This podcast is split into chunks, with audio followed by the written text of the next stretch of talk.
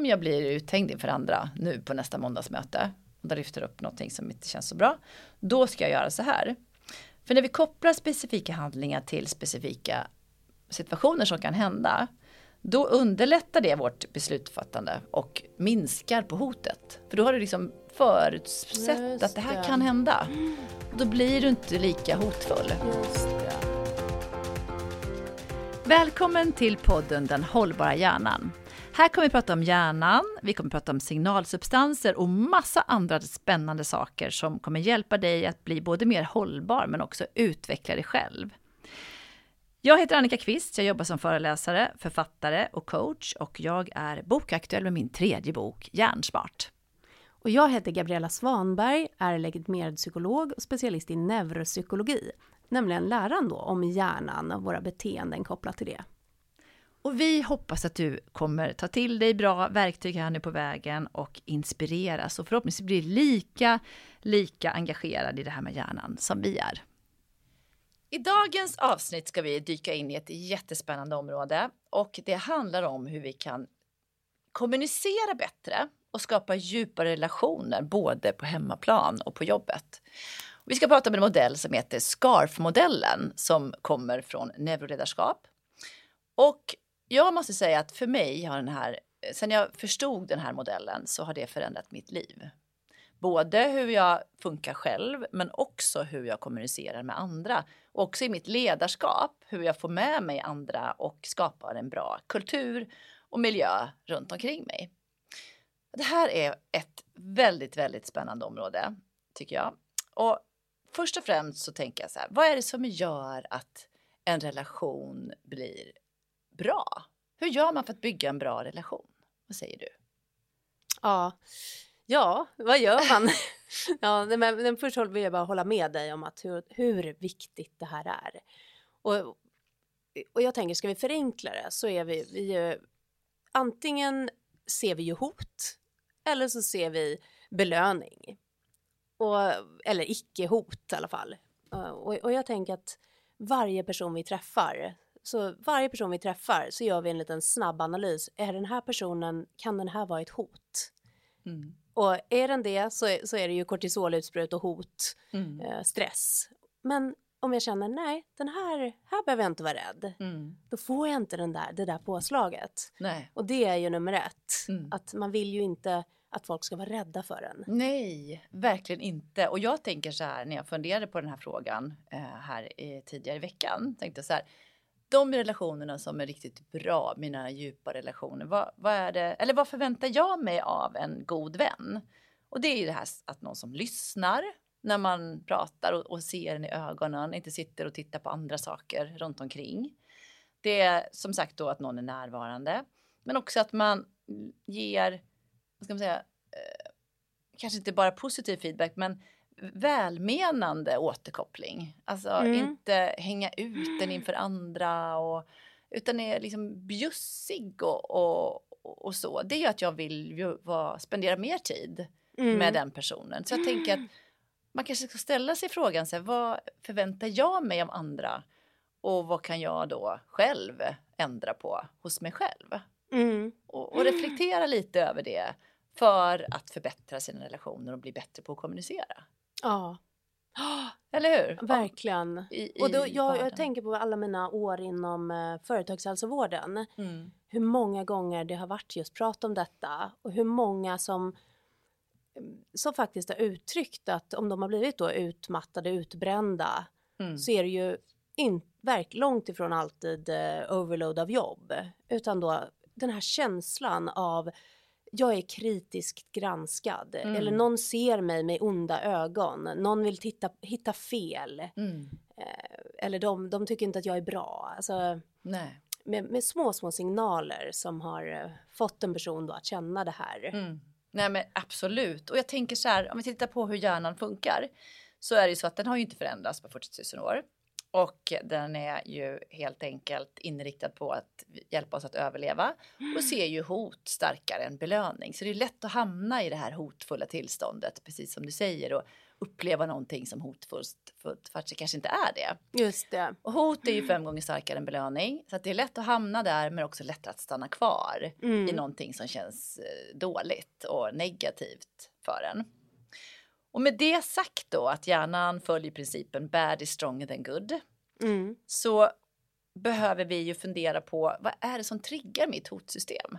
Just Förr i tiden var det ju fysiska hot mer, farliga djur, eh, brist på mat, brist på kontakter, bristen. Idag har vi ett överflöd. Eh, vi eh, har snarare sociala hot att förhålla oss till för att vi är så integrerade med andra. Förr hade vi en liten grupp av 100-150 personer, kanske max, Mm. som vi behövde förhålla oss till. Idag har vi en hel värld av sociala medier, människor som vi möter och så vidare och vi jämför oss allt det här. Så att vi hamnar ju lätt i sociala hot. Just det. Och det är det den här fantastiska modellen då, SCARF-modellen, handlar om. Den handlar helt enkelt om att eh, det finns fem områden som triggar vårt hotsystem eller belöningssystem mer än andra. Mm. Modellen är framtagen av en man som heter David Rock som startade Neuroleadership Institute. Och den har några år på nacken men de jobbar vidare med den här och man kan gå in och göra en sån här självtest och se vart befinner jag mig eh, i min scarf. Och det här ska vi prata lite mer om snart. Men det, ja, han gjorde en studie när han skrev boken Hjärnan på jobbet för några år sedan. Och då kom han fram till att det är samma situationer som hela tiden kommer tillbaks när det handlar om att det triggar vårt hotsystem. Vi ser saker som en fara. Och vi vet ju också att när hjärnan upplever någonting hotfullt och vi befinner oss i det här hottillståndet, då har vi svårt att tänka klart. Vi har svårt att fatta beslut. Vi har svårt att samarbeta med andra. Vi har svårt att ta in nya perspektiv och vara kreativa. Och framförallt har vi svårt att få access till vår frontallob och våra kognitiva förmågor. Just det blir ju liksom inte så himla bra. Det blir så onda cirklar också, för jag tänker på vissa just som jag har träffat och även känner igen det själv. Jag menar om, om mitt hotsystem går igång för att jag känner mig granskad när jag ska göra en uppgift och så sitter jag också och gör den på riktigt faktiskt dåligt. Mm. För att jag kan inte vara kreativ och fokuserad. Då blir det ju verkligen vatten på sin kvarn. Då blir det, men gud, Ja. usch det här blir dessutom dåligt. Så inte, Ja. inte nog med att jag känner det från början utan ah, Ja. det blir en självuppfyllande Absolut, och man kan ju få totalt block. låsning. Ja, låsning, blackout liksom. Och jag, och jag vet ju vissa kreatörer som känner nej men jag kan inte skapa. Nej. Du vet det var en arkitekt som beskrev eller en design och så säger Mm. jag, jag sitter där med ritning, jag, jag kan inte skapa när chefen närmar sig. Nej. Och det här är precis som du säger så vanligt ute på våra arbetsplatser. Mm. Och jag vet också någon siffra jag hörde som eh, är att det är majoriteten av alla personer som sitter i olika ledningsgrupper runt om i världen har ett väldigt triggat hotsystem. Mm. För ju högre upp du kommer desto mer förväntningar är på dig, desto mer förväntningar har du på dig själv, att du Mm. ska minsann kunna och du ska kunna leverera och så vidare. Och då är man ändå glad att det här med psykologisk trygghet har kommit upp till ytan och att man pratar om hur ska man bygga en kultur där folk känner sig trygga. För det är det det handlar om. För det är då vi får access till våra fantastiska hjärnor och alla våra förmågor. Mm. Okej, ska vi gå in på Ja, SCARF-modellen nu, de då. fem områdena då. Mm. Den första SCARF då, den första är ju S som står för status. Och det status handlar ju om vår position och hur vi uppfattas i en grupp eller situation. Och det är ju viktigt att vi, man vill känna sig respekterad och erkänd av andra. Och när vår status hotas så kan det trigga negativa reaktioner och göra oss mer defensiva och osäkra. Och ett exempel kan ju vara till exempel att man blir tillsagd av sin chef inför sina kollegor eller att man blir eh, kritiserad och får negativ feedback för någonting man har gjort till exempel. Eller att man har en arbetsplats där alla ska söka om sina tjänster och plötsligt så vet inte du var befinner jag mig i den här rangordningen. Mm. Va, och vad är det som händer i hjärnan egentligen där då? Eller vad, liksom, vilken signalsubstans om man Mm. kopplar det till det? Men då, då, ja, det, det spontana är ju eh, serotoninet. Det är Mm. vår statusmarkör. Mm. Så här kan det ju definitivt bli en liten dipp då i, i serotoninnivå. Mm. Ehm, det, det sägs ju att bara man går igenom en dörröppning så den person som går först om man säger så, Mm. den, den får liksom en liten statusboost bara av det lilla. Mm. Och den som då känner sig lite undanskuffad kan helt enkelt uh, få en liten sänkt. Sen får man Mm. ta, jag måste verkligen poängtera, man får ta alla såna här grejer lite med en nypa salt. Mm. Men ehm, det, det, Mm. och det, så att poäng, poängen är ändå att det är väldigt, väldigt små, ehm, små saker som spelar in. Ja, verkligen. Nej, men det är så och bara det spännande. här om, om, man, om någon frågar, åh kan du svara på det här? Mm, Så kan ju någon bredvid känna, oj varför frågar de inte mig? mm, Bara den lilla grejen är ju en Mm. liten sån statusmarkör. mm, Vänta, jag borde väl få frågan. mm. Verkligen. Så det var den första, status. Och här kan många känna sig att det är lite pinsamt att välja status, att det är viktigt för mig. Men det är inte det, utan det är ju någonting. Vi har våra olika områden som vi liksom gärna, ens hjärna går igång på. Men Mm. här är ju bara att säga, men det här är viktigt för mig. Och det är inte alls eh, genant att tycka att status är viktigt. För det, det är ju lite hur vi är, hur vi, hur vi styrs då. Okej, nästa då, det är ju C i, i eh, SCARF och det står för certainty, visshet på svenska. Och det här handlar om att man har en känsla av förutsägbarhet och har kontroll. Och det var ju jätteviktigt förr i tiden att veta vad som skulle hända, annars kunde vi ju dö Mm. om vi blev uppätna av något djur eller så vidare. Så att för vissa är det väldigt viktigt att få veta vad som ska hända, vad är nästa steg? Mm. Till exempel då så kan det vara här att man eh, ska iväg på en konferens med jobbet och så sitter man på HR-avdelningen och tänker nu ska vi överraska alla. Vi har ingen agenda utan vi åker iväg. Vi ses på kontoret på fredag eftermiddag med en packad väska. Och för vissa kan det typ vara jättespännande och för andra så är det fruktansvärt Ja. att inte veta. ja, det här, det här, jag vet inte hur många ärenden jag har suttit med alltså inom företagshälsovården. Mm. Eh, Där ja, personer går alltså i terapi och skickas för att de Ja, vi ska på en konferens och jag vet ju ingenting. Jag vet ju inte ens om vi ska ta tåg. Jag vet ju inte vad vi ska göra. Det här är en enorm issue för Mm. vissa. Mm. Så att med all respekt för, ja, man är Mm. olika. Och här kan man då som ledare vara tydlig med att man har en tydlig agenda i en, ett, en mötesinbjudan. Eh, Berätta vad som förväntas av personerna som kommer på mötet. Och tala om vart man ska ses, hur länge mötet kommer vara och så vidare. Var Mm. övertydlig med de här sakerna. Som kanske inte är så viktigt för dig som ledare men det kanske är superviktigt för 30% av ditt team. Mm. Så Och här är ju också viktigt just som chef att veta då vem jag har framför mig. För jag vet en kvinna som sa så här, hon var jätteorolig för massa saker som skulle hända och så sa chefen så här, åh ta det bara lugnt nu, ta, ta ledighet en vecka, vi hörs sen, det löser Mm. sig. mm, Och för henne det här, det löser sig utan information, det var, det var ett hån. mm, Medan någon annan skulle tycka, åh vad snällt, han, han lugnade mig eller hon. Men det här kan bli fel om man är en person som vill ha fakta, som vill, du ska hjälpa mig och göra mig, ge mig mer visshet. Mm. Inte säga det löser sig. Och det är precis som du säger, det är små subtila signaler i det här. Så det kan också vara lite genant att lyfta upp och säga att för mig är det här jätteviktigt. Man kanske inte tycker att det, men det spelar ju ingen roll, kan inte Nej. jag säga. Men det är mycket viktigare än vad man tror. Och påverkar din både prestation men också hur du mår. En liten hint, hint, nu är ju neuropsykiatri väldigt hett i samhället och har man då lite eh, just autistiska drag, Asperger och som ändå finns mycket. Så då, då kan man ju ha det här i åtanke att då, då vill personer veta Mm. Eh, Så har man någon med den profilen så ska man nog vara extra tydlig med eh, alla Mm. detaljer. Mm. Mer visshet helt enkelt. Mm. Jätteviktigt. Tredje då området, det handlar om autonomi, eh, autonomy på engelska, självständighet. Och det här handlar om en känsla att ha kontroll och frihet över våra egna val och handlingar. Det vill säga att inte micromanagement styra någon och tala om så här ska du göra utan snarare så här, här är ditt uppdrag. Hur vill du lösa det? Att känna att vi har inflytande över vårt eget liv är ju viktigt för att vi ska må bra. Och när vi känner oss eh, begränsade i vår självständighet och autonomi så kan det leda till frustration och ett motstånd. Mm.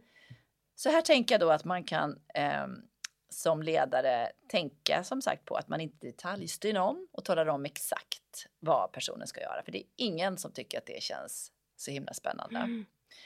Ett annat område som är högaktuellt är ju det här, ska vi tillbaks på kontoret eller inte? Mm. Och att bli tvingad tillbaks till sin arbetsplats, det upplever jag mycket när jag är ute på företaget. Det är jättejobbigt för många att eh, bli tillsagd att du ska vara på kontoret fem dagar i veckan. Mm. Mm. Så där kan man ju då diskutera med Mm. varandra. Vad är bäst för oss i vårt team? Vad tycker ni? Så att alla får känna att de är med och tycker till. Just det. kan man ändå ha tydliga riktlinjer men ändå skapa en känsla av att alla får vara med och bestämma. Absolut. Det var, det var bara för att man ska Mm. minnas att det var någon gång någon beskrev det här med att till och med om man tänker sig en liten katt som man, man tvingar in i en låda. Då, då brukar den då vilja bara krafsa ut. Den vill, den vill komma ut helt enkelt och gör allt för att komma ur. Mm. Men, men om du eh, bara ställer en låda då är det ju många som frivilligt lägger sig och bara myser där. Men just den här eh, ja, tvingandet, det får oss ofta att vilja krafsa oss ur. Ja, och samma sak faktiskt måste man också säga hemma med sina, sina barn. Att säga åt någon att städa rummet, det är, brukar inte vara en liksom, framgångsstrategi direkt, utan mer när gör du det? Du behöver ta ansvar och, och så vidare. Så att det funkar ju i alla relationer helt enkelt. Eh, nästa är relatedness, R i SCARF och det står för då samhörighet. Och här handlar det om att vad vi vill ha social anknytning och en känsla av att höra till något. Att ha positiva och stödjande relationer är avgörande för att vi ska må bra. Och en känsla av att vara utestängd eller inte accepterad kan ju utlösa negativa känslor som att vi blir rädda eller känner ångest. Och här kan det vara till exempel att dina kollegor går på lunch utan att fråga dig om du vill följa med. Och då kanske de gör för att de ser att du har så mycket att göra. Så Mm. att de inte vill störa dig. Men du uppfattar det som att du är exkluderad, att du inte tillhör. Just dem. det. En annan kan vara mer privat, kan vara att du kommer på en maskerad och har missuppfattat temat. Du kommer själv utklädd som något, ett spöke och temat Just var djur. Liksom. Det är hemskt att inte tillhöra Mm, gruppen. mm. Då vill du ju bara försvinna därifrån, öppna upp ett, en lucka i golvet och eh, sticka hem. Liksom. Så det här är också jätteviktigt. Verkligen. Är Och- det, och det är oxytocin tänker jag då. Som, Ja. ja. fantastiska. Vi-känslan. Och, Mm. och den där är ju på gott och ont för att om vi bestämmer att nu ska vi ha de här kläderna på oss. Det ger ju, ger ju vi-känsla och oxytocin till den lilla gruppen som vi som har bestämt det. Men som sagt, det blir ju desto värre då, eller mer obehagligt för de som inte är med. Så Mm. oxytocin, man får man ju tänka på det, att för mycket vi-känsla kan också bli vi och dem och, och faktiskt göra någon annan då. Mm, Eh, det kan vara på bekostnad. mm. Ja, så att, ja. Och där ett, ett exempel där. Jag har ju varit med och arrangerat mycket resor och eh, när jag i mitt tidigare jobb inom mediebranschen gjorde vi mycket läsarresor och eh, där hade vi alltid som en del av välkomstmötet sa vi att när vi äter middag så sitter vi, då har vi långbord och då sätter man sig där det finns en plats. Ja, Så att man inte har- bättre. Mindre möbleringar där det är fyra platser, två platser, tre platser och så kommer någon ensam person och det tar jättemycket kraft och energi för på vart ska jag sätta mig och får jag sitta här och, och kan ju skapa en känsla då av exkludering. Så att Ja, väldigt, som väldigt chef viktigt. kan man ju tänka på det där att minimera de tillfällena när det blir att det kan uppstå eh, liksom, en känsla av att man inte är inkluderad. Verkligen. Jag vet också någon, någon eh, var på någon eh, surfresa. Mm. Då, det tyckte jag var så smart för då var det folk från hela världen som var där och då Mm. sa de så här här pratar vi bara engelska. Så även om du pratar med din kompis, kanske från Sverige då, så vi pratar engelska för att ingen ska behöva känna sig exkluderad eller tänka oj de pratar om mig eller oj här är jag inte med. Mm. Och det var också en sån här, det, det verkligen var eh, ja, Mm. en gest som gjorde att det blev mer, alla Mm. kände sig välkomna. Jätte, Och också bra. långbord där. Ja, ja. Det tänkte jag faktiskt på. Det är inte nice alltså när man ska gå till en Nej. grupp och känna sig som ursäkta får jag sätta mig här? Alltså, jag, Nej, det är Det obehagligt. är jätteobehagligt. Och jag känner också, jag älskar när man går på middag och det är bordsplacering. Ah, Slipper ah. jag tänka vart jag ska sätta mig och upp, hur uppfattas det om jag sätter mig här? Är jag tar för mycket plats om jag sitter intill Precis, världen? tänk eller- vad mycket Ja, det förenklar. Ja. Eh, sist men inte minst då så handlar det om fairness, rättvisa. Och här handlar det om att man vill då känna så att man behandlas rättvist och jämlikt i olika situationer. Och Och vi har ju en inneboende känsla av eh, att vi vill bli rättvist behandlade och eh, när vi upplever något som är orättvist så kan man känna ilska och missnöje. Mm. Och här är till exempel då en klassiker är ju lön, att man vill veta vad andra har i lön. Och får jag reda på att om vi skulle jobba på samma företag och ha samma typ av ansvar och uppgift och så vet jag att du har 10 000 mer än vad jag har. Får jag reda det. på att det läcker ut.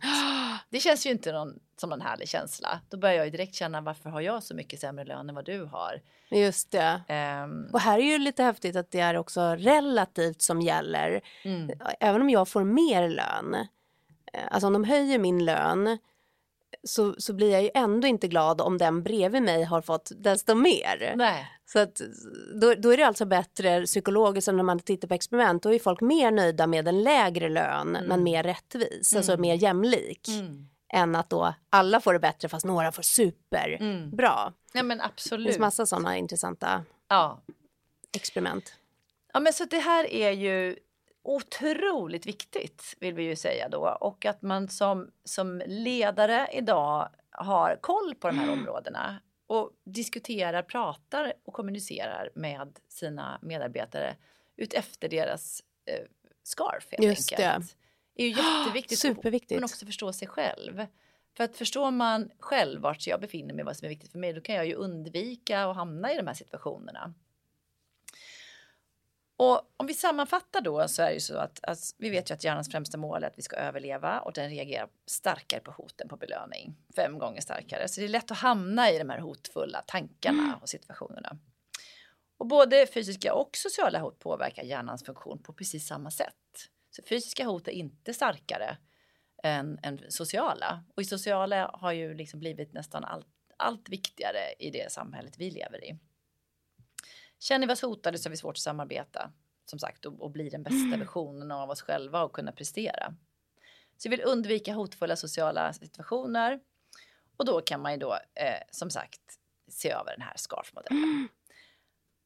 Så våra tre tips tänker jag skulle kunna vara då Mm. att först reflektera över din egen scarf. Hur ser min scarf ut? Eh, vilka områden är viktiga för mig? Och det kan ju förändras över tid, det kan vara i olika situationer, privat och på jobbet och så vidare. Men man kommer till otroligt mycket självinsikt att förstå hur man själv funkar. Mm. Och är det så att man befinner sig att det är några områden som är extra utsatta på arbetsplatsen där man är, då kan man liksom justera det genom att stärka upp andra områden.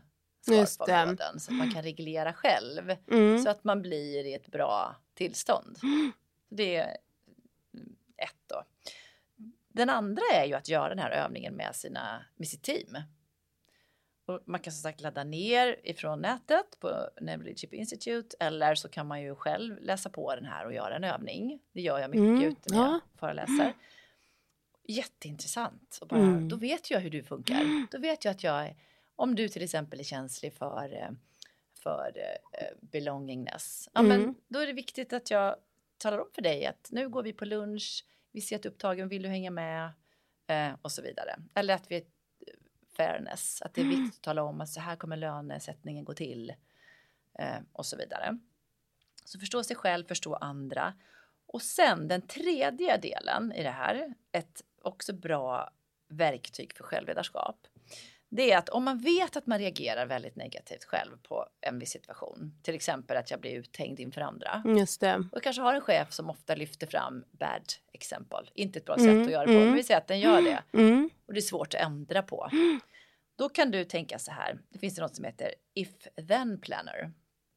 Det betyder då att om det här händer, då ska jag göra så här. Mm. Då Just kan man det, tänka det så här smart. att om jag blir uthängd inför andra nu på nästa måndagsmöte där lyfter upp någonting som inte känns så bra, då ska jag göra så här. För när vi kopplar specifika handlingar till specifika situationer som kan hända, då underlättar det vårt beslutsfattande och minskar på hotet. För då har du liksom förutsett Just att det här det. kan hända. Då blir du inte lika hotfull. Just det. Eller, då, Nej, jag fattar. inte så hotfullt. Så de tre verktygen tycker jag är väldigt bra. Och för mig, det har som sagt ändrat mitt, Mm. mitt sätt att, att skapa relationer, att, att leda andra och mig själv. Superviktigt. Så viktigt.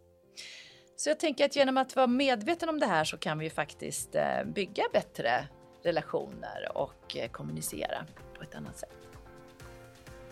Om ni gillar den här podden, dela gärna vidare med era vänner och kollegor och gå in och följ oss på Annika KV och neuropsykologen Gabriella.